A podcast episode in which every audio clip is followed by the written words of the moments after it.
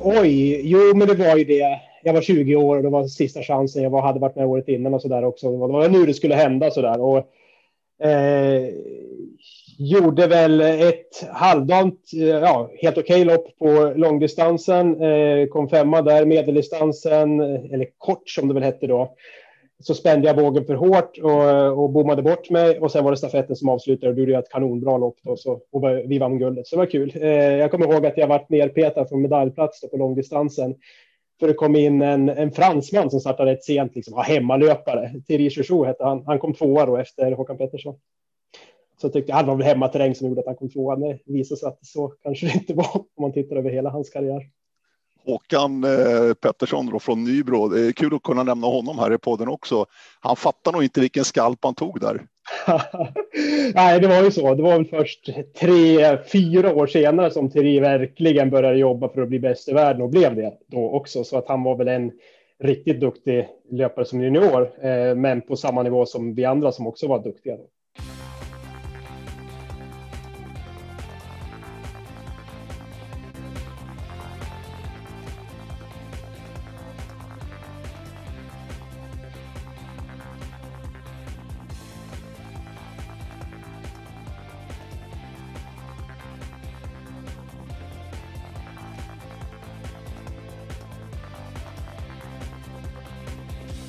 Mats Sträng, eh, mycket varmt välkommen till Radio O-ringen Podcast. Tack för det. Eh, 2021 och första podden det här året. Vad tror vi om det här året jämfört med förra året som ju blev allt annat än normalt? Ja, man får väl hoppas att det blir eh, bättre det som ligger framför oss nu, att vi kan komma igång och tävla och, och arrangera och träffas helt enkelt, för det har vi saknat. Mm verkligen. Den sociala sidan är ju någonting man inte får glömma i det här sammanhanget för att den är så oerhört viktig i alla idrotter och verkligen i våran också. Ja, det, det är ju faktiskt så. Det har jag märkt själv då med. Jag ja, tävlade ganska sparsamt som alla andra, men kanske ja, egentligen ingenting. Jag tror inte jag har någonting i min kartpärm från i fjol eh, av den anledningen att det, det är mycket det som håller den igång. Ska man åka på en tävling, det är klart man får tävla också, men att träffa folk då är ju en stor del av det eh, numera, eller kanske alltid varit för mig också. Eh, trots att det är en individuell idrott när vi springer ute i skogen så är det mycket runt omkring som gör att det är eh, värt att åka på ett arrangemang någonstans tio mil bort än att springa i, eh, en sväng hemma vid.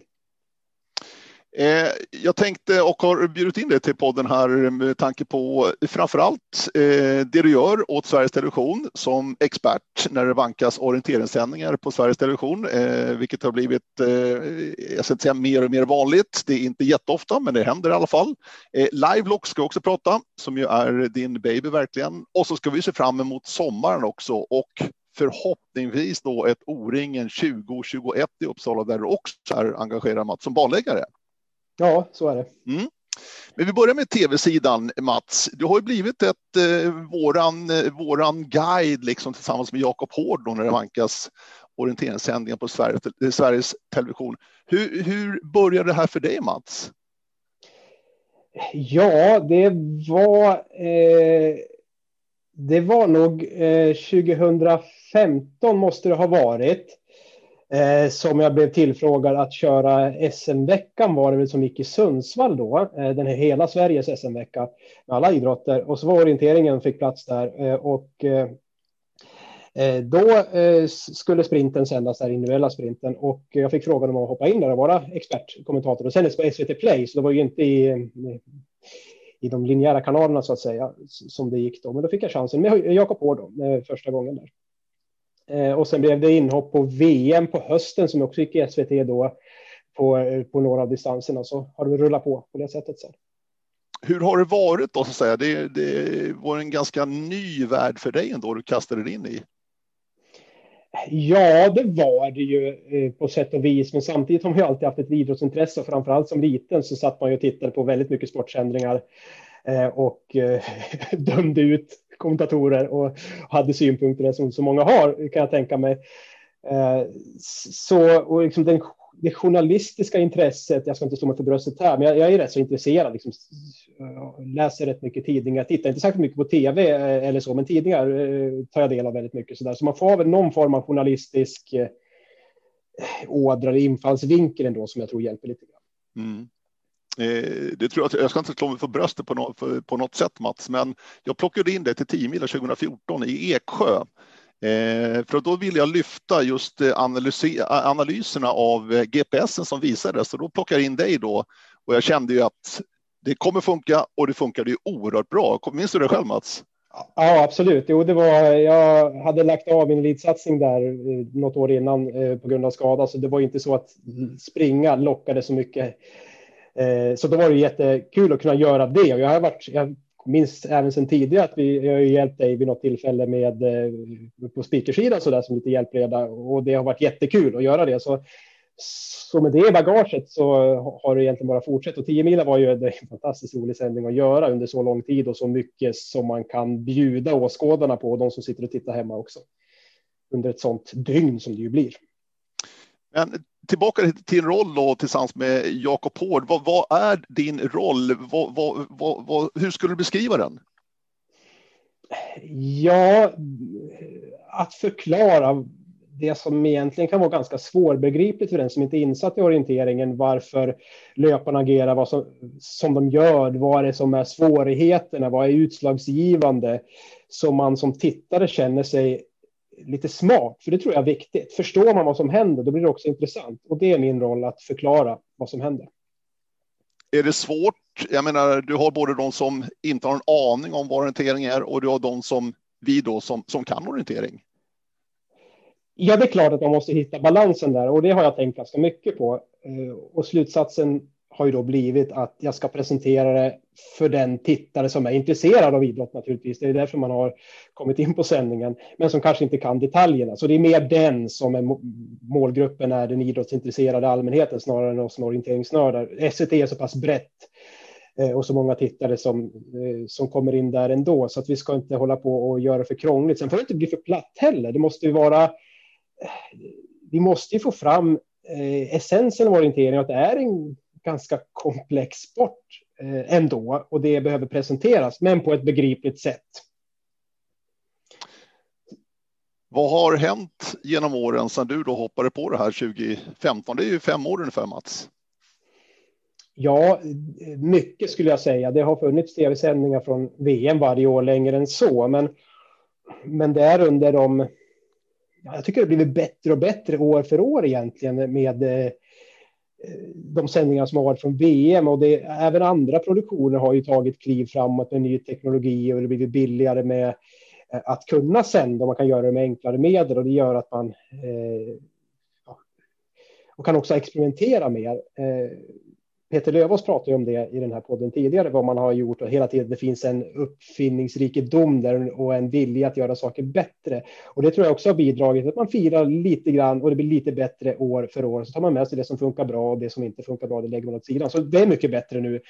Eh, jag tycker att sändningarna från VM i Norge 2019 var ju fantastiskt bra av, av flera anledningar där, där produktionen var en väldigt bidragande orsak. Ja, vi kan väl ta det som ett bra exempel för att det var ju många som eh, följde er eh, där på Sveriges Television, då, tävlingen från Östfold i augusti 2019. Vad var det som gjorde då att det lyfte, så att säga, att det blev en eh, det kändes som att ah, det här, nu är det riktigt bra orientering. Det var ju känslan. Vad, vad ser du till för orsaker och anledning till att det blev så bra? Jag, fram, jag skulle vilja lyfta fram tre orsaker. Den första har vi varit inne på redan. Det är väldigt bra genomtänkt eh, produktion och i det så ingår ju både banläggningen, att eh, barnläggarna behöver ha tidigt och nära samarbete med produktionsteamet. Det kan betyda att banorna blir sämre från ett orienteringsperspektiv och det där är alltid en balansgång. Eh, men det var i det stora hela väldigt bra eh, att man fick tajta och bra sändningar produktionsmässigt. Det var spännande att titta på. Eh, nummer två var ju att eh, det blev sådana täta tävlingar att det var sekundstrider. Det var inte avgjort alls på förhand. Visst, Toves sex minuters seger på långdistansen var ju, var ju ointressant ur spänningssynvinkel, men där var, var det ju kanske det bästa VM-lopp som någonsin har gjorts inom orientering, så det var ju intressant av det, den anledningen. Då. Men i övrigt så var det, var det ovissa tävlingar hela vägen in i mål, både på medel, eh, herrar ramer, stafetterna herrar ramer eh, och på långdistansen för herrar också. Så det var spännande sändningar och sen också ur svensk synvinkel då svenska framgångar. Eh, det vart, eh, vad ska man säga, ett lyckligt slut på nästan alla tävlingar fast det var spännande och Tove tog tre guld. Gustav Bergman var nära att ta ett individuellt guld och, och stafetterna som avslutning vann Sverige båda klasserna och det gör ju också att det blir ett väldigt genomslag. Mm. Eh, vi har ju våra olika discipliner med stafett, medeldistans, långdistans på skogen och så har vi ju sprint då som ska vara ett eget VM nu framöver. Det vart ju tyvärr ingenting förra året då i Danmark, så det blir 2022 istället. Men vilken passar bäst för tv som du ser från din horisont? Ja, eh, de har ju sina olika karaktärer, våra distanser, som vi vet förstås. Och i tv tycker jag Uh, ska man välja ut en individuell distans som gör sig bäst, då är det medeldistansen. Den har uh,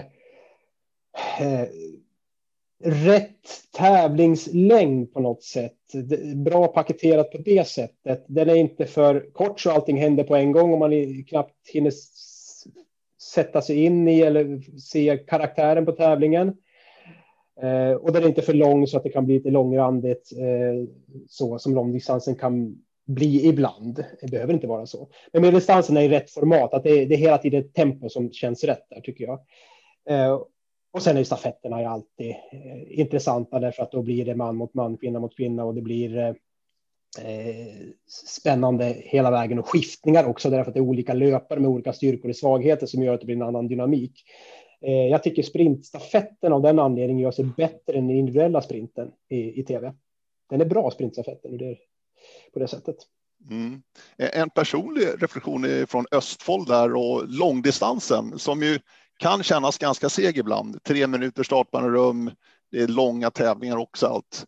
Men där fick vi ju faktiskt en väldigt, väldigt bra eh, temperaturhöjare hela tävlingen. När Kasper Fosser startade så pass tidigt i herrtävlingen och sprang oerhört bra och satt i den där ledarstolen i princip hela dagen fram till Olav kom in och slog honom.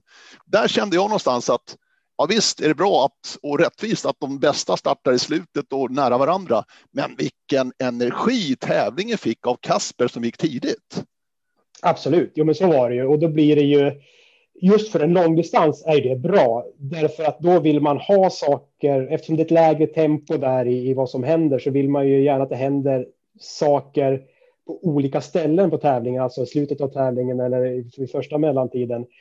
Eh, omlott. Eh, så att det blir att man kan växla lite fokus fram och tillbaka mellan de olika skedena i den tävlingen, för den pågår ju så länge. På medeldistansen hade det blivit lite rörigt tror jag, för där, mm. är, det så, där är det så högt tempo, så där vill man gärna fokusera på första mellantiden, sen andra mellantiden, sen målet eh, i den mån det går. Men eh, på långdistansen så vart ju det väldigt bra, där jag håller med dig. Eh, för då då, då, fanns den där osäkerhetsfaktorn. Ska den här okända unga norrmannen hålla hela vägen in i mål? Hur bra är loppet egentligen? Det fanns en ovisshet i det som blev spännande.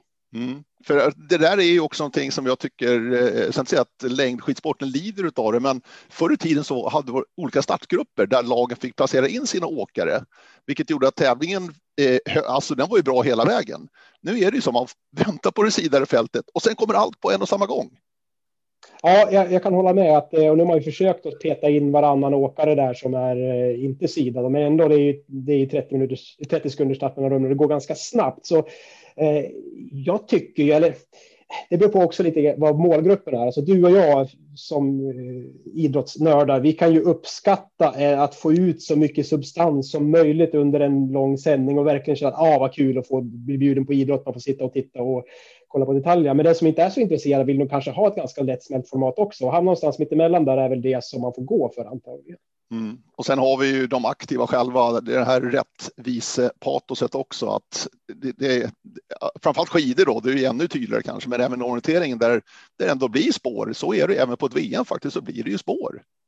Absolut, ja, men så är, så är det ju och det är en rättvisefaktor som jag som aktiv var väldigt noga med att det där får man inte hålla på och fingra på för att det ska bli bra media. Nu kanske jag sitter i en liten annan situation och nu är jag media, del i den cirkusen då. Så, så visst, man får ju eh, skifta sina åsikter kanske. Nej, men det, jag tycker det är väldigt viktigt att det ska bli bra, bra tävlingar för de aktiva i första hand. Och det, ska man peka på någonting som inte varit så bra i Norge 2019 så var det utlöpningen från start på medeldistansen som gick över golfbana. Det var ganska lång löpsträcka. Man hade stor möjlighet att läsa in vad som skulle komma eh, av den anledningen att ja, man ville ha start på arenan för att kunna få löparna i bild där.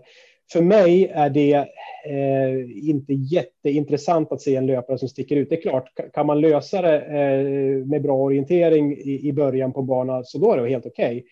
Men jag tycker att eh, då, då är det viktigare att man får en, eh, en helt rätt Eh, så bra banor som möjligt då, eller hitta den balansen. Där tycker jag att det var, det var, där kunde man gjort det bättre. Ja, det där, där är en klurig fråga, men när det kommer till just eh, det här med starten på arena, jag köper inte riktigt det för att det går ju att lösa med en kamera vid start oavsett var du är någonstans i terrängen. Det är, det är bara en teknisk lösning helt enkelt. Och bildproducenten, och det gäller inte bara orientering, det gäller alla idrotter, de vill ju etablera löparna, framförallt stjärnorna så att säga, att ha dem med från start så att tittarna, okej, okay, här är han eller hon. Nu drar mm. vederbörande iväg och det är ju det det handlar om bara. Det är inte se dem springa utan etablera dem helt enkelt i sändningen för att det är ändå de som är eh, stjärnorna och det, det är de som vi är intresserade av. Jo, precis. Och det, det, är klart att det som du säger, det är idag när det blir billigare. Det är klart att antal kameror är fortfarande en begränsande faktor, så kan det ju vara. Men det, det, det blir ju man, fler och fler kameror ute på, sändning, på våra sändningar och det är klart att de, då skulle man kunna ha en sån eh, start på ett annat ställe än på arenan. Sen ska man kanske inte glömma publiken på arenan som ju också eh, bidrar till inramningen av en sändning. Det är mycket roligare att se eh, täta åskådarleden, att det är lite eh, dött där ute. Så, eh, och de behöver ju lockas ut dit också, även om det kanske ibland är de närmast sörjande som står och tittar på en orienteringstävling och bildproducenten får jobba rätt mycket för att få det att se ut som att det är många åskådare. Men det, ja, så, alltså, så det är kanske en anledning också till att man vill ha start på arenan för att kunna locka dit åskådare att se det live. Och där har du ytterligare ett moment och det gäller ju både start på arenan men även om du har en varvning passering på arenan. Den yttre påverkan på själva löparen också. Hur hanterar man det här? Det har vi sett många exempel på genom åren kan jag säga från min roll då som speaker har sett löpare som inte har klarat av att höra att leder 10 sekunder, har en och en halv kilometer kvar att springa. Ja visst, och det där är ju även på VM-nivån på den allra ja, ja, yttersta elitnivån så är det ju så. Och det skapar också en dynamik och någonting som jag kan prata om och resonera kring i en sändning på tv att nu kommer man in till ett avgörande moment. Han hör att han är i ledning här eh, Eh, och, och, nu kommer en svår sista kontroll eller avslutande del här och det blir vägval här. Tar hon rätt vägval givet vad hon har hört? Nu ska hon safe eller gå på attack eller hur blir det? Va? Så de där sakerna kan man ju då gå in och resonera kring och försöka förklara. Ja, och den du resonerar med är ju Jakob Hård då, eh, Sveriges mest etablerade och största tv-kommentator vi har verkligen. Det är ju en folkets röst har han blivit. Fick även förra året, Lukas Bonnier, stora journalistpris, bara en sån sak. Helt fantastiskt tyckte jag. Ja, jag var, det, var, det, gjorde min, hela den helgen. Jag var så fantastiskt glad för hans del, därför att han är den människan är. Otroligt ödmjuk, otroligt eh, hårt arbetande, förbereder sig väldigt mycket inför sändningar har jag fått förmånen att se då. Eh, och det är klart att man är lite starstruck där också eftersom han har ju varit med i liksom hela ens idrottsuppväxt på något sätt eh, som kommentator i olika sammanhang. Men vad har det eh, betytt för dig Mats då i din roll att det är just Jakob Hård du jobbar med? Ja, det är, det är en ynnest förstås att få vara där och det är, att, det är någon att luta sig mot. Vi kan ju vara väldigt trygga i våra roller tycker jag han tar eh, befälet och är den som eh, lotsar tittaren genom hela sändningen genom dess olika faser. Jag är den som kommer in och förklarar orienteringstekniska skeenden eh, och det där tycker jag vi hittar en väldigt bra rollfördelning i. Jag har ju varit med som expert med andra kommentatorer också och där har jag inte upplevt att rollfördelningen har varit lika tydligt. Vi har gått in lite grann mer i, våra, i varandras roller där och det har inte blivit lika bra kan jag tycka tycka då när jag har tagit del av sändningarna i efterhand. Men, men jag tycker att vi, jag och Jakob har hittat en bra eh, rollfördelning och det är ju tack vare att han är så oerhört eh, rutinerad och eh, så skicklig på yrket helt enkelt. För att göra ett riktigt bra jobb så känner du att du gärna vill ut i terrängen, gärna på banan också för att få de absolut bästa förutsättningarna för att kunna göra ett bra jobb?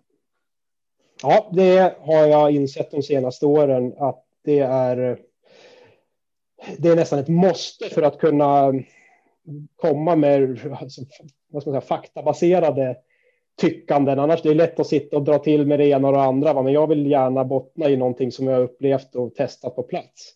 Och där har det varit en väldig skillnad med vår möjlighet att kunna få göra det också från när jag började eh, Eh, eh, kommentera till, eh, ja, till nu. Jag minns VM då i Skottland 2015. Det var ja, det, det året som jag började och då fick vi, jag tror vi hittade kartan för sprinten då, ja, fem minuter innan sändningen skulle börja, för det släppte inte IOF på arrangören på, utan det skulle vara hemligt, allting skulle vara jag skulle vara sekretess överallt och det innebär att då får man ju mycket sämre förutsättningar att göra sitt jobb. Eh, och det påpekar ju då eh, TRIOF och de har ju lyssnat och gjort det där mycket bättre. Så redan året efter då, när vi sände från Sverige 2016 i Strömstad så fick vi ju provlöpa banorna innan. Eh, och fortfarande under sekretess givetvis att vi fick skriva på tystnadspliktsavtal och så där och ut och springa och så lämna tillbaka kartan direkt efter vi hade stuckit ut och, och nästan så att visitation som man inte hade en mobiltelefon med sig i fickan. Och det var ju jättebra för då kunde man verkligen ge den där expertinblicken som man inte hade kunnat ge annars. Sen, eh, ja, nu i Norge så var vi där och sprang innan också då. Eh, senast så, eh, och då var det, kände man att sekretessen ja, det hade gått ner lite grann. Ja, här har ni kartan, ni kan väl lämna tillbaka dem innan ni åker hem idag, för vi sprang alla banor på samma dag. Men så, så det, ja, det blir väl bra. Så det, det, är ju. Min integritet är ju oerhört viktig i ett sånt eh, läge också, givetvis. Precis som alla andra produktionsteam och eh, alla som har någonting med arrangemanget att göra får ju inte läcka banor. Eh, jag har också varit runt och du måste ändå hålla med mig det här för att eh, jag vill också gärna ut. Jag, jag kan inte springa lika långt som du Mats i och för sig, alltså, men ändå bara komma ut och få känna på det betyder så mycket för mig också i min gärning när jag ska ha speaker. Men visst är det en häftig känsla att få komma ut på ett VM-område, en VM-bana innan de ska springa. Jag tycker det där det är så magiskt underbart liksom. Ja, men jag håller med. Visst är det så att man, och jag har ju varit banläggare själv eh, vid några tillfällen till större tävlingar och jag vet hur mycket jobb det är bakom och man sitter och försöker få fram det allra bästa. Nu är det ju så att på ett VM så blir det många begränsande faktorer eh, som vi varit inne på. Men ändå, det här är, har man försökt hitta någonting då som blir en VM-bana som blir så bra som möjligt. Och jag har ju varit och sprungit några VM-banor liksom från länge sedan, alltså i min, under min aktiva karriär också. Och de springer man ju kanske fem eller tio eller femton år efter de hade gått. Och, och då känner man också den där lite historiens vingslag på något sätt. Så att visst, det, att vara ute där och få vara först att göra det. Jag, eh, vet att jag sprang VM-banan 2004 när det gick i Västerås också. Jag var precis utanför truppen och var reserv och sen när det var för sent att sätta in reserv, då sprang jag hela långdistansbanan där för att vara förlöpare. Eh, och det var ju en tävling jag hade siktat på i år, så det var ju visst med visst stygn liksom i hjärtat som man som man sprang där. Fan, den här skulle jag ha gjort på riktigt. Men samtidigt var det otroligt häftigt att få uppleva hela den skogen då, som nu tyvärr har brunnit ner. Mm. Eh, vi ska ta och stänga den här eh, tv-sidan alldeles strax, men eh, bara Eh, vi har ju det vi har just nu i det programmet med skog och sprint och varannat år. Är, är det någonting du saknar inom eh, våran, eh, vårt utbud av tävlingar och discipliner? Om man tittar på andra idrotter så är bland de mest dramatiska är ju till exempel massstarter och jaktstarter som vi överhuvudtaget inte har på VM-programmet eller EM-programmet. Ja, det där är en svår fråga. För orienteringen, återigen från en aktives perspektiv, så är massstart en ganska dålig idé rättvisemässigt. Eller det blir en helt annan tävlingsform. Och det är klart, man kan ju tävla i, i sånt också, men det är ju inte det som är orienteringens grundidé. Det där var jag rätt tydlig med när jag var aktiv själv. Eh, däremot så ser jag ju som eh, eh, kommentator eh, att det blir ju intressant att göra det och försöka hitta balansen där. Och, och man kan ha någon form av prolog plus jaktstart eller så. Och, och hur ska det i så fall utformas för att vara vara bra? Kan man hitta någon form av gafflingsvarianter som gör att det, att det blir både rättvist och intressant och lättförståeligt. Så det där, ja, eh, det, det, skulle vara intressant att få in det på ett VM-program, framförallt nu när vi har delat upp skog eh, och, och eh, stad så att säga. Då finns det utrymme. Tidigare har det inte funnits. Så eh, vi får väl se vad som händer problemet är väl baksidan med det är väl att eh, programmet är ju väldigt, väldigt tufft. Det vet ju du själv som har varit en elitorienterare att inleda en VM-vecka som Östfold, jag har hört fler exempel på med långdistansen som var väldigt tufft och de, de, alltså, de tömmer sig ju helt. Vi såg på Tove, hon orkade ju knappt sen ja. både medel och stafett. Även om hon tog guld på bägge så såg man tydligt hur långdistansen hade satt sig. Och vi kan ju bara jämföra med en maratonlöpare, han kanske springer två lopp per år maximalt ja. tre lopp av de här toppfriidrottarna, eh, topplöparna verkligen. Och här ska de springa extremt tufft. Så att det är också någonting att ta med i beräkningen här, att det går ju inte att lasta på för mycket för att löparna orkar ju inte. Vi måste ju ha respekt för dem också.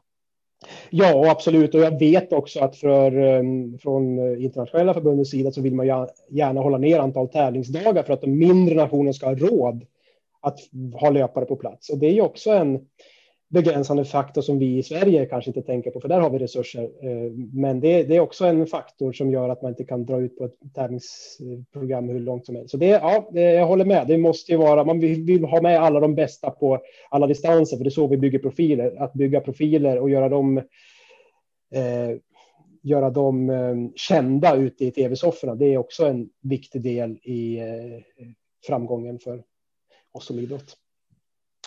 Du var inne på stafetterna som fungerar bra. Vi har gått ner på tre sträckor. Ja, det var ganska länge sedan i och för sig, men det är ganska korta sträckor också, vilket gör att det blir väldigt spännande tävlingar. Och, eh, Norge var ju inget undantag. Det var ju många med och fightades där verkligen. Det har varit en häftig sista sträcka också, eh, både på dam och här sidan verkligen, eh, där det avgjordes på sista, vilket är kul. Men på tal om stafetter, du var inne på 10 mil också Mats. Jag tänkte vi måste ändå plocka upp det när jag ändå har det på tråden. Du anar åt vart det barkar va? Ja, jag gör ju det. eh, Nynäshamn 2018, eh, Linnea får en smakstart. Rasmus Andersson gör en oerhört bra långa natten. En av de bästa någonsin måste jag säga faktiskt. Han och Jarko Hovila 2004 sticker ut för mig. Eh, då Jarko sprang för Halden och gjorde också en helt fantastisk långa natten. Men Rasmus Solo sprang ju där och hade väl en ledning på 10 minuter. Och sen sprang du, inte sträckan efter, men därefter sprang du Mats, den sjätte va? Ja, det gjorde jag. Eh, precis. Eh, och jo, jag fick ledningen? Ganska jag fick mycket. en ledning på, jag visste inte hur mycket det var. Jag visste att det var mindre än tio minuter. Det hade man hört på rapporterna. Så jag hade, det var väl, jag tror det var sex och en halv minut och det, som jag gick ut ledning med. Eh, och jag hade ju tagit en plats i 10 laget som en av de sista in där eh, det året. Eh, hade gjort lite comeback kan man väl säga efter långa skadebekymmer. Så jag var med i året innan Göteborg där vi kom tvåa. Det var första ja, 10 insatsen på många år där e-, egentligen i, i, på den nivån för mig. Eh, och eh, så fick jag chansen där och, och, hade tränat oerhört mycket natt innan. Jag hade gjort en satsning det året för att verkligen slipa min nattteknik. Eh, så jag hade kört liksom ett 50 nattpass tror jag fram till 10 mila från årsskiftet eller från december. Eh, och tänkte att nu är jag förberedd för det här. Men samtidigt kände jag det var ju liksom en, man hade den här underliggande liksom lite rädslan att sabba allt det här när Rasmus hade gått så otroligt bra där. Eh, så jag kände ju, försökte liksom andas lugnt, men jag var ju ruggigt nervös förstås när jag stack ut. Eh, inledde banan bra första kontrollen och så eh, andra också. Och sen så tror jag det kom en längre sträcka till den tredje eh, där banan gick i kors. och jag började läsa till fel kontroll och läste till ja, till en kontroll på slutet då istället motsatt riktning och så där. Och så kommer jag fram där och där står Kalle Dahlin och är med, med någon skogsspikerkollega och, och jag hör ju han står och viskar och jag kommer fram till den kontrollen och säger det är fel kodsiffra, men det är rätt kontroll. Vad är det som händer? Eh, och så står jag och kliar mig i huvudet där under 20 sekunder och sen inser jag då att ja, okej, okay, jag har läst på fel sträcka eh, och då var det inte. Jag tappar inte så mycket tid på det, men stressen som kommer på där naturligtvis med det i det läget och det han står och live rapporterar det där som jag är medveten om. Det gör ju att man man kommer i en väldigt nästan en paniksituation. Eh, så jag fortsätter att springa och gör liksom så här små bommar, inga stora grejer egentligen, men det blir liksom kontroll efter kontroll. Så blir det rätt så dåligt genomförande. Jag har ju där med mig tanken hur mycket tid jag tappat. Kommer de ikapp snart? Hur ligger jag till? Nej, nu måste jag fokusera framåt. Jag kan ju det här. Jag är ju rutinerad. Liksom. Eh, och kommer väl in i någon form av flyten då. Eh, men så kommer Jens Engdahl, kapten IFK Göteborg, som jag vet har gått ut efter mig. Jag visste inte hur mycket, men jag känner att han har tagit mycket tid på mig nu och jag märker att han har ett helt annat tempo än vad jag har. Han springer mycket fortare. Eh, jag försöker hänga på eh, och gör ju det i någon kontroll där och så kommer jag till en gafflingskontroll som inte är min och där gick ridån ner på en väldigt svår sluttning ner mot någon havsvik där i, Nynäshamn. Och där gick ju tiden, gick en 6-7 minuter till. Eh, skulle jag tro. Jag var, jag var nära kontrollen, jag fick inte ihop den. Eh, jag hade otur, men jag förtjänade otur för jag hade inte koll heller. Så det, eh, sen så tog jag väl mig i mål då. Var, istället för att ha en ledning på 6,5 som jag hade när jag gick ut så hade jag en var jag 6,5 minuter efter. Så jag tappade 13 minuter på, på den sträckan och det var ju med alla de förberedelserna jag hade gjort med det förtroendet jag hade fått av, av klubben, av laget och grabbarna i laget så kändes det helt bedrövligt förstås.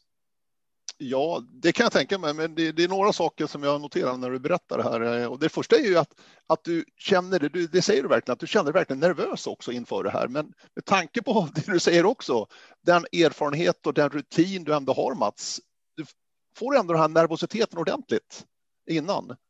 Ja, det har jag haft i alla de VM och EM jag har sprungit som jag är eh, sex stycken sådana internationella mästerskap och eh, sådana stora tävlingar, då har jag alltid varit ruggigt nervös innan och det är oftast bra därför att då kommer man i rätt tävlingsmod. Men det är, det är en rätt jobbig känsla. Man vaknar upp åtta på morgonen och så är starten kanske tre på eftermiddagen. De där timmarna som man ska slå ihjäl då, det är ja, det får man hitta strategier för. Du, eh, hur, hur bearbetar du det här? Liksom? För att det, det, var ju tungt naturligtvis. Eh, du var ändå stark och ställde upp på en intervju direkt efter loppet, vilket är stort tycker jag. Och kanske också var bra för dig liksom, att göra det ändå och få, få ur det här liksom, bara för alla andra fråga. Nej, men alltså, förstår du? Ja, ja, absolut. Jo, jag fick mycket alltså, feedback efteråt att det var starkt att ställa upp där och tyckte det var en självklarhet. Jag fick chansen att berätta varför det gick som det gick och be om ursäkt för grabbarna för framförallt för Rasmus då, som ju missade chansen att bli en ny Jarko Hovila där. Eh, skillnaden var att Jarko, de vann ju 10 mil med Halden, Linné vann ju inte och det var mitt fel. Eh, så det kändes ju riktigt eh, illa då förstås. Eh, ja, men det var väl ett sätt att bearbeta det på, men jag var ju, jag var ju nere liksom någon vecka efter det där. Liksom var, det var jobbigt. det var jobbigt. Det är bara idrott, men idrott är rätt viktigt ibland. Jag, jag vet att jag åkte dit då en vecka senare och, och sprang om det där på natten eh, för att bara visa för mig själv att jag kunde klara av det här. De hade tagit in kontrollen, det var någon ställning där det fortfarande satt en, en skärm kvar så där. Jag sprang om det där och jag hade nio minuter bättre tid. Så det var ju liksom, ja, då kunde jag väl sätta någon form av punkt då. Eh, så, så att, eh, eh, samtidigt så var det ju jobbigt att se det också, för vi fick ju stryk med två och en halv minut tror jag, två minuter över hela tävlingen. Så det, ja, det var ju svart på vitt och vad som skilde till den där 10 segern som, som jag inte har fått vara med om än. Jag var tvåa på 10 mila eh, vid två tillfällen och tvåa på Jukkola och så där. Så att det, det hade ju varit gött att få, få vinna någon gång, men det, det såg jag till att det inte blev så just 2018. Vi är bara människor, vet du Mats. Ja, det är ju så. Ja, det hade varit en fin punkt på en ganska lång och trevlig karriär eh, kan jag säga, men det blev inte så. Så blev det inte. Eh, Liveblocks har blivit istället Mats. Eh, alla vet ju vad Liveblocks är så det behöver vi inte berätta. Men eh, jag kan bara säga till dig och till lyssnarna att jag, jag uppskattar enormt att gå in på Ventor och bara surfa runt och kika på kartor och banor eh, över hela Sverige. Det är en helt fantastisk service det där. Du har eh, Liveblocks blivit som du hade tänkt dig när du liksom började skissa på det här och fundera på de här eh, i de här banorna så att säga eh, där vi är idag då, 2021?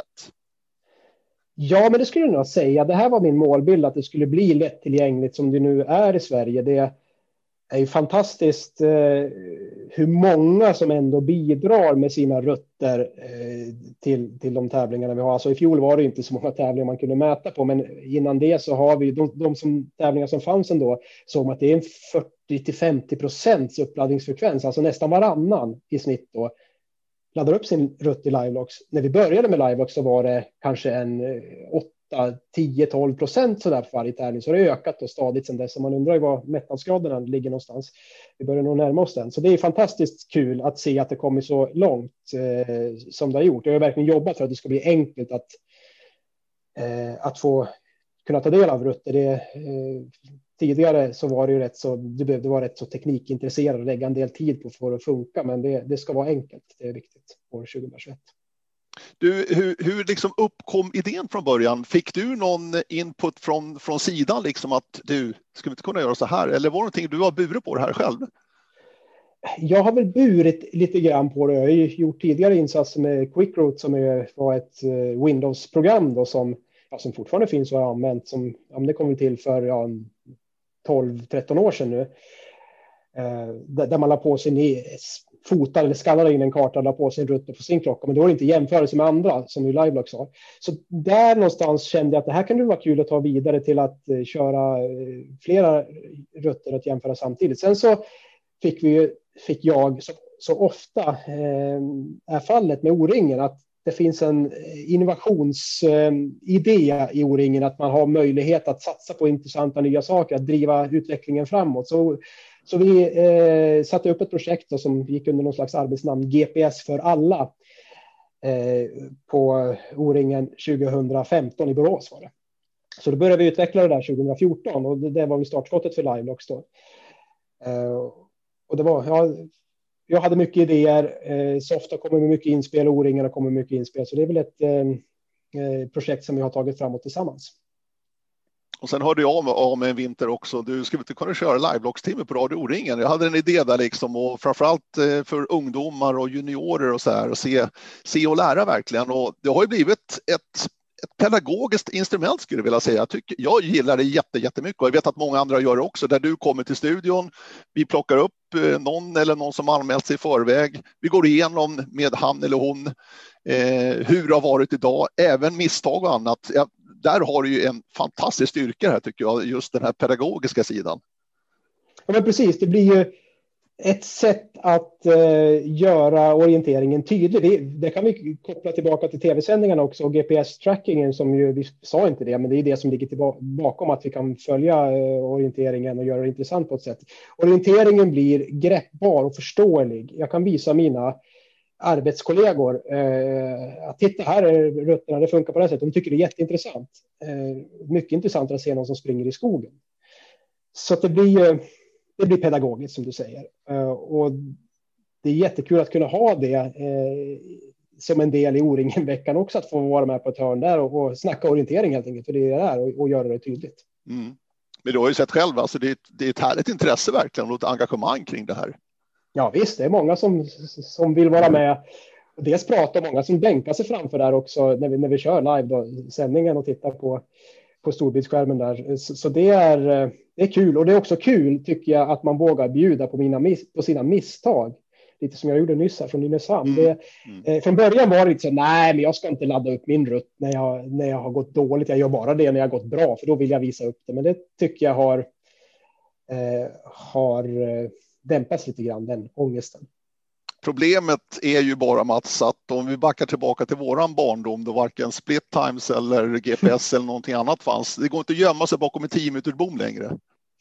Nej, det gör inte så. Det, det, det, det, har ju gått olika steg där. Jag hörde någon som sa att ja, från början så då kunde man ha gjort 10 minuters bommar eh, på en kontroll, annars hade jag vunnit. Sen kom eh, sträcktiderna, då, då kunde man ja, Ja, då, då, har man sprungit liksom och, och småbommat. Då kunde man inte säga att man gjort 10 minuters bommar, för då hade man blivit avslöjad. Men jag småbommat på varje kontroll. Nu kan man titta på GPS-spår. Då går, går det ännu mindre att dölja det där. Och det är väl på sätt och vis bra, för orientering blir mer tillgänglig. Men samtidigt så, så skrönorna och om inte om fanns eh, försvinner kanske lite grann.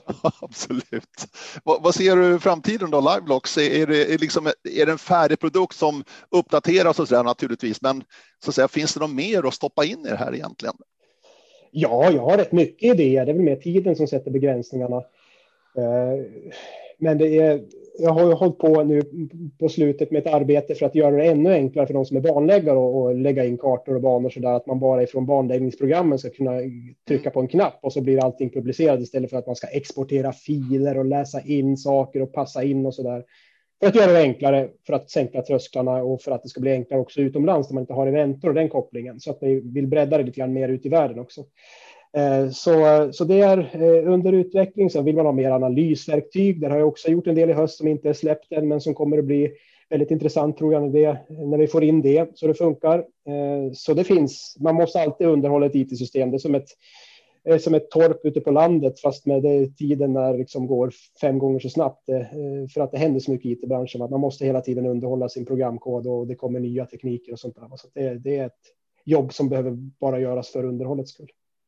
Spännande, verkligen. Och du till sommaren. Blir det O-ringen i Uppsala, Mats? Du som ändå bor i Uppsala och kan liksom dofta och känna in. Ja, jag hoppas ju det jag, jag, ska faktiskt efter vi har pratat klart här så ska jag faktiskt ut i Lunsen och kolla lite kontrollpunkter. Vi har ju fått lov att flytta en etapp där så att vi håller på med banläggningens slutförande precis där så att eh, det blir inte Östuna för etapp tre utan det blir Lunsen. Eh, och jag hoppas att vi får bjuda på på Lunsen och Nosten då, två stycken fantastiska terrängområden. Eh, och att det blir också under O-ringen förhållanden, alltså att det blir en gemenskap. Det är dela glädjen är ju mottot och det är mycket det som O-ringen handlar om, att det är en stor festival och får man då inte umgås så tappar ju den i värde. Så jag, det är nästan så att är restriktionerna fortsatt på plats i, under våren där, då skulle jag hoppas att man kan putta framåt ytterligare ett år så att vi får möjligheten att köra som ett O-ringen ska vara och inte med en deltagarbegränsning eller med restriktioner som gör att det inte blir O-ringen på riktigt. Banläggare alltså. Eh, det var en granbarkborre som satte stopp då ute i eh, Östuna eh, där ni hade gjort allting klart egentligen och så tvingas ni flytta. Ja. Det är tufft måste det ha varit. Ja, jättetufft. Jag förde ju bok över antal timmar som jag hade lagt dels på, bakom skriv, eller vid skrivbordet med banläggningen och sen ute i terrängen också. Det var ungefär 230 timmar då i Östuna som vi inte kan utnyttja, mm. utan det var bara att starta om igen i Lunsen. Eh, där det kommer bli färre timmar för att jag känner till det området mycket bättre som tidigare. Men visst, det var eh, ja, många timmar som har gått åt i Ösuna först. Eh, sätta ut de där kontrollmarkerna så får jag plocka in dem i höstas igen. Det var lite mer vemodigt faktiskt. Du, hur, hur, attackerar ni ett sånt här uppdrag? Jag menar, här är det från vit till svart vad gäller svårighetsgrad. Det är banlängder från 2 kilometer upp till jag vet inte vad, 13-14 kilometer och det är alla åldrar verkligen. Hur, hur angriper man ett sånt här gigantiskt uppdrag? Ja, det är, det är, en bra fråga, för det handlar mycket om organisation för att det ska bli lyckat. Det är ett projekt som löper under flera år. Normalt sett, nu har det ännu längre tid då, i med den här pandemin och, och framflyttandet. Eh, det, vår organisation, vi har en banläggningsansvarig, Johan Hamelius, som är ansvarig för alla orienterings, eh, alltså orienteringslöpningsetapper. Då. Eh, och, och håller ihop allting så det blir jämn kvalitet på, på allting. Eh, och han gör ett jättejobb och är väldigt engagerad på det sättet. Sen är vi eh, två eller tre banläggare per etapp som då har delat upp banorna sinsemellan och lite hur, hur man har gjort det även från etapp till etapp. Men vi har delat in på ja, eh, korta och lätta och motionsbanor Eh, och sen lite, det är Elisa som lägger dem och sen har vi Sam som lägger eh, eh, medellånga eh, blå och svarta banor och sen så lägger jag banorna som är över fem kilometer och är då svarta och blå. Kan man väl säga den fördelningen. Så det, då får man ju bryta ner liksom lite, ha sitt e-, egna område, men samtidigt måste man ju samordna för man får ha ett max antal kontroller ute i terrängen så att det inte ska bli för mycket jobb och, och vi måste ta hänsyn till naturvårdshänsyn eh, och det är rätt mycket i de naturreservat som vi är nu i Uppsala så där får vi göra lite avkall ibland och eh, det ska vara maxlängder till start som inte får överskridas. Så det är väldigt många eh, randvillkor alltså som man behöver ta hänsyn till. Du, må, många pratar om Lunsen, många har varit där också, men absolut inte alla har inte varit ute i Lunsen som ett väldigt, väldigt speciellt område. Och det är, alltså måste jag säga, jag har varit där ganska många gånger, men det är ett fantastiskt orienteringsområde. Ja, det, det är ett superområde och, och det, i och med att det ligger så nära Uppsala som ändå har 200 000 invånare i kommunen och är så pass orört som det är i de centrala delarna. Visst, närmast bebyggelsen så finns det en hel del stigar och så där, men, men det är ju det är så oerhört. Man inser ju hur oerhört lyckligt lottad man är som orienterar att bo med en sån terränglåda alldeles intill sig. Man lär sig aldrig hitta det i princip. Det är klart det blir bättre på att hitta, men är aldrig fullt ut. Eh, och när vi flyttade etappen då i, ja, i fjol vår då, i, i, maj där så stack jag ut. Ja, nu får vi lägga ner i Östuna. Okej, då ska vi ut i Lunsen. Vi, vi hade lite olika alternativ vad arenan skulle vara. Sen när vi bestämt det så, eh, så stack jag ut och sprang där och så var den här finaste tiden på året, du vet, mitten av maj och så, så blåbärsriset började liksom spirade i, i grönt och så där. Och så insåg jag otroligt vad vackert det är här. Fram på de där hällmarkerna och kände ja, det blir nog inte så tokigt det här heller. Eller det, det blir, faktum är att det blir en mer njutbar upplevelse tror jag att springa i Lunsen på den här tredje etappen därför att det är finare terräng. Det är naturreservat, det är, det är inga hyggen, eh, det är vacker skog. I Östuna var det ju normal eh, skogsbrukad skog där det fanns en del hyggen, grönområden eh, Eh, och så vidare. Stenigare också för de längsta banorna. Så det här blir ju mer njutbart. Däremot blir det inte lika mycket vägval som det hade blivit i Östuna. Eh, tyvärr då. Och det är väl nackdelen. Men för de flesta så kommer det bli en mer njutbar upplevelse att springa i, i Lunsen även på den tredje etappen. För de som lyssnar på det här och ska och hoppas så att och, och även komma till Uppsala i sommar och O-ringen. Eh, jag skulle nog Eh, om, om jag skulle sticka med ett ord till dem för, för att förbereda sig på bästa möjliga sätt när man kommer till lunchen så är det att ha koll på riktningen. Eller? Ja, ja jo, men det är ju en väldigt viktig komponent. Eh, eller håll, ha koll på vad, vad du har varit ganska nyligen. Det så, risken, att göra, risken att göra parallellfel är ju eh, så oerhört stor. För det är så mycket, det är så nästan allt ser likadant ut. Små höjder, små kärr, Eh, stenar, punkthöjder och inte så mycket ledstänger. Eh, så det går, det går att tappa bort sig och göra parallellfel väldigt mycket. Eh, och då behöver man ha bra kartkontakt. Och sen är det så att alla på O-ringen har ju kanske inte den här elitorienterarens förmåga att ha bra kartkontakt och hela tiden hänga med där. Och då är ju riktningen någonting som är otroligt värdefullt att kunna falla tillbaka på. Att för alla är jag övertygad om kan ha, ha en bra riktning hela tiden. Det krävs inte så mycket orienterings övning för att eh, ha det. Men är man noggrann med det så vet man, då kan man smalna av den där tratten rätt så bra eh, som visar ja, vart man är på väg och då kan man backtracka sig själv och säga ja, men jag var ju där nyss och så har jag sprungit den här riktningen, då borde jag kunna vara här. Så man minskar risken då, att, eller minskar antalet alternativ när man ska läsa in sig i vart fall.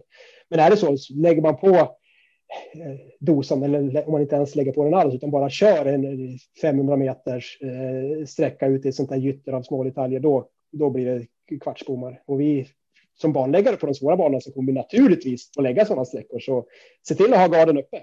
Ja. Håll, håll koll. För, för att en sak där är ju att det är oerhört svårt att läsa in sig. Allting ser så lika ut. Mm.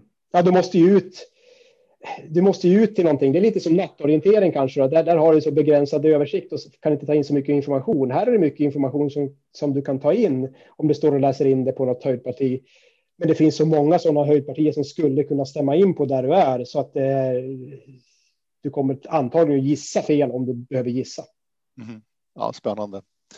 2021 har vi framför oss. Vad ser du annars fram emot i år då, eh, Mats? Detta år? Hur är det med din egen karriär? Ja, Eh, ja, eh, chansen att springa i 10 mil första lag lär väl bli mindre och mindre för varje år när man har passerat 40 som jag har gjort. Så, så eh, nej, ja, alltså mitt eget idrottande är väl så att jag tränar för att må bra och man får en kick av att träna. Det är eh, som löpare så insåg man det. Nu, det är det som driver mig att må bra liksom, i vardagen. Det är så härligt att få träna. Och så. Att kunna göra det, att kunna göra det i, på tävlingar också, att möta sina kompisar. Det är där man har en stor del av sin vardag i klubben och i, i kompisgänget som till stor del är orienterade. Så det hoppas att vi kan komma igång igen och hitta vägar att arrangera, våga arrangera fast kanske under lite andra förutsättningar under våren och så att vi att sommaren blir. Det verkar som att virusspridning går ner på sommaren. Eh, gjorde det i alla fall i somras att det kanske kan vara en bidragande orsak till att vi kan köra O-ringen och vara lite mer tillbaka i en normal vardag i sommar. Ja, för känslan är eller liksom, det har ju påverkat oss alla den här pandemin och 2020 och även nu början här på 2021. Hur, hur mycket har det påverkat dig och ditt liv skulle du säga Mats? Ja, eh, inte. Det är klart att det har påverkat eh, och framförallt slutet av 2020 på eh, liksom, ja, från november och framåt så har jag bara suttit och jobbat hemifrån och så vidare. Då kommer man inte ut. Men jag som människa är jag ganska introvert. Jag, jag tycker om att sitta och fnula med mitt eget vid sidan av så att det finns nog de som har lidit mer att inte kunna träffa människor. Eh, så, så, inte så mycket har jag blivit drabbad. Det mest att det inte blev något eh, junior-VM i somras där jag hade, skulle varit ledare. Det blev inga VM-sändningar som jag hade varit kommentator på och så vidare. Så det är mer sådana saker, att man inte har kunnat träffa sina nära och kära i samma omfattning. Men de har hållit sig friska i alla fall och det ska man vara tacksam för. Vi hoppas att det blir lite både O-ringen och eh, sändningar då från VM och jag hoppas också att det blir sändningar från världscupen upp vid Idefjäll i augusti till exempel. Från, från Sveriges Television. Då är du välkommen. Ja, precis. Jag hoppas verkligen. Jo, men det, SVT har ju varit nöjda med det som har gjorts sändningsmässigt under de senaste åren och IOF satsar ju på att få eh, sändningar också från de här arrangemangen. Så jag hoppas verkligen vi kan få en kontinuitet i, i de eh, sändningarna så att vi slår igenom ännu bredare ut hos den stora sportintresserade allmänheten i Sverige. Ja, för det är ju det som behövs. Just kontinuiteten, det håller inte, eller håller inte ska jag säga, det är bra det som sänds, men en gång per år liksom, det är ju för lite. Det kallar inte jag kontinuitet. Nej, nej, men vi behöver ha världscuprundor som ligger ganska koncentrerat i tid också. Det, som, som alltid finns det motsättningar där, men för att få ett bra eh, intresse ute hos folk så då behöver man ha kontinuitet. Vi behöver bygga profilerna folk ska känna igen. Inte bara Tove och Gustav utan eh, fler av våra landslagslöpare också. Det får bli slutord Mats Troeng. Stort tack för att du var med. Hörru. Tack så mycket. Ja, jag tackar er lyssnare också. Eh, denna digitala inspelning faktiskt av eh, Radio O-ringen podcast med Mats Troeng. Hör gärna av er. Eh, webbadressen är som vanligt radio oringen.se. Vi säger tack och hej och önskar er alla också en riktigt skön start här nu på 2021.